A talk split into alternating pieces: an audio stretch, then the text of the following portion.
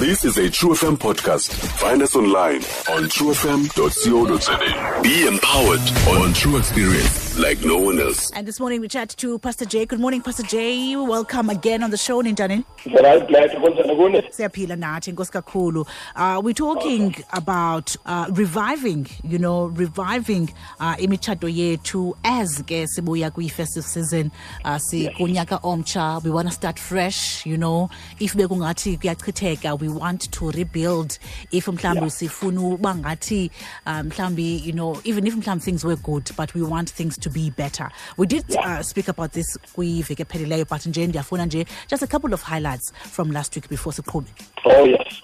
Thank you, thank you, Black. Uh, as we, as you did indicate, sithatha about reviving your marriage and reviving your love. Xa sisuka kwi festive season and where many relationships could have been affected by i festive season. Mhlawumbi omnye umntu uye wayibiza okanye kwakhona ukubhatyaza in one way or another and now the relationship is affected. Last week we did indicate strongly ukuba it is very important for ukuba umntu uh, instead of wanting to walk away from their marriage from their love relationship that they first work on reviving it. Because most of the time people when they've hit a ditch or a serious pothole or speed bump uh, emtshatweni the first thing they think about is the exit door. So we did encourage very strongly that it is always good that you look at reviving things the very word revival on its own means you know, bringing back life into something that was once alive but was affected along the way. So love does get affected.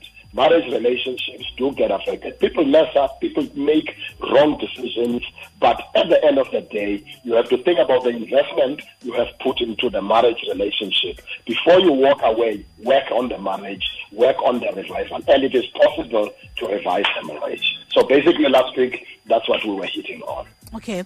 Um what happens in a situation where lona umntu ufilisha ngathi nguye owoniweyo um they feel into yokuba they don't want to work on the relationship and then lona ke ufilisha ngathi wonile into ingathi nguye who you know who's just pulling all the stops to try and and, and work things out. Okay, so so you're saying low on Nileyo, they are keen, they want to sort Yes. things out, but low on Nileyo, so they, Yes. they just don't want to hear anything Yes. about it. Okay, it, it's natural, it's common because kaloku lo mntu woniweyo, they had put their life into this thing, they had mm. devoted their, themselves into this love relationship, but now kwenzeka le mistake okanye le error eh yenziwe ngulo omnye. Now they are hurt they are most they feel emotionally betrayed and perhaps mhlawumbe they had even indicated uh, into yokokuba mfanele be careful of this road. Don't do this don't do that. Look at what it has now come into. So it is always important on the one owonileyo swallow your pride begin to be willing to to beg be willing to convince go out of your way if you cannot convince them. Get somebody else to who is going to mediate into this relationship. Because kaloku uh, you know in dieting they say if you want if you ate too much and you gained weight if you want to lose the weight you've got to be willing to eat less for days so that you can work that off.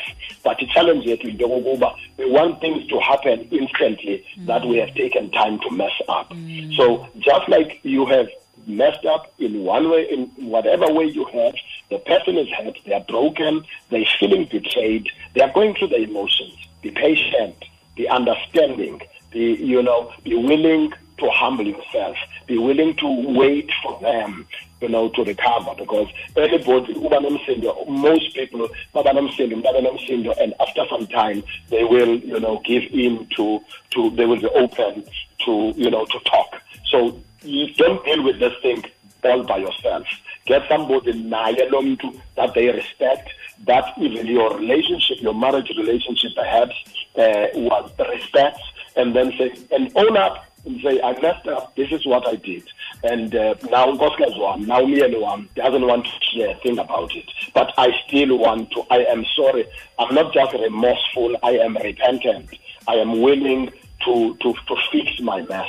So you have to be willing to beg. You have to be willing to wait. You have to be willing to get other people to assist you. Uh, you know, Mfundisi, I, I got a, a, a text from somebody on, on WhatsApp Yeah. yokuba you know they did go through a bit of a tough time um Yes. you know and and uh, they are trying to rebuild but ngoku xa kwenzeke into um ufumanise into yoba kuthiwa kuthiwa ba but why do you always you know go back to the past say past Yeah. ngoku you know Yeah. um and yet uh usisi feels into yokuba no but then i need to know into who's calling you know because we had troubles with the phone ngo-december you know Yeah. and now ubudi Yeah. is like but why are you bringing up the past how do they you know like walk through a situation and then I-situation enjalo where somebody keeps referring to what happened yesterday Yeah. and uh, the other feels into kokuba no man but you, we, we, we thought this thing was sorted it happens and it will happen and uh, it must happen how do you deal with that? Wena mntu who had, who had offended okanye who was the culprit in the situation again it involves the patience because it, it, trust is not built in a day. And especially when you are tiptoeing or you're gravitating towards the very things that you did that ended you up in that particular situation. If you used to visit a certain friend and your mess came from visiting that particular friend, of course, if you have tell me that tomorrow you were with the same friend, I, I'm going to cry foul. Man, you, you can't go back to that guy mm. because you went there yesterday and you know what happened. So, Namdu, who has messed up, I have the responsibility to reassure you. So, you have to do acts of reassurance. If you use your phone to mess up and to communicate with your with the people or, or in your relationship, it, it, one of the ways of, of clearing that, I, I have to make my phone is available. I have to be transparent if I'm inquired to about about the things, uh, organi- the charts and things that I'm involved in. You know, it's part of the deal. I am reassuring that particular person because I have messed up here. Having said that, I am saying I want to say to the offended party that you also need to cut the other person some slack. You can't be angry forever. You cannot be angry forever. And you you need to also as, as you know, when the person is putting in the effort, be also willing to embrace or, or help them along. You know, as long as they are trying their best, you know, because now you cannot be paranoid. That's why now where you also do need help, you do need to talk to somebody about it. You know, this is how I feel now. I don't trust him. When I see him looking at a woman, when I see her, you know, driving away in my car, I don't know what is going to happen. You know, uh, you need somebody to talk to you now. I will understand this in the Uber. You are gonna be paranoid. You know, ukona ukona into ekuthiwa i- i- PST, the post-traumatic disorder.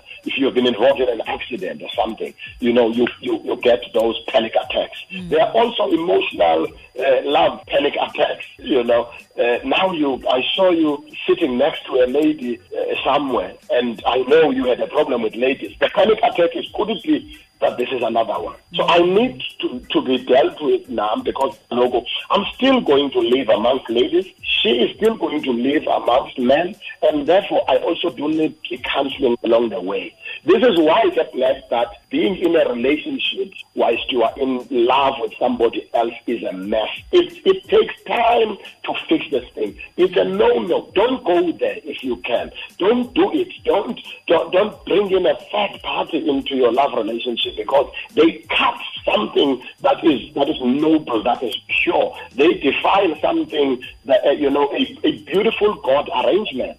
So to fix the thing, to fix the thing takes time and it involves a lot of effort.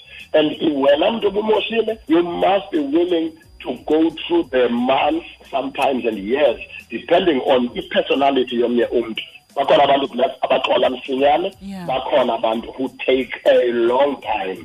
You that's why you need to study your spouse and understand ukuba ungumntu onjani there are some who say if angayenza loo nto leyo involve omnye umntu i am out of there. I will never forgive them. And frankly that's what that's what they do. Mm. It doesn't mean that i'm encouraging them those people to do that. As much as i'm not encouraging are people to you know to bring in a third person into their marriage relationship but life does happen. So when life happens, you must be willing to trust God and have the grace of forgiveness and also have the grace of humbling yourself as you fix your love relationship. But it's possible to mend love. Pastor Jay, how do we get hold of you? Let you can get hold of me on uh, my face. I've got social media pages. Please like that page. On, on YouTube, you can find me on RUCC, our church page. Please subscribe there. Also, to find and to keep on Facebook. Uh, that's where most of our programs are at on my pages.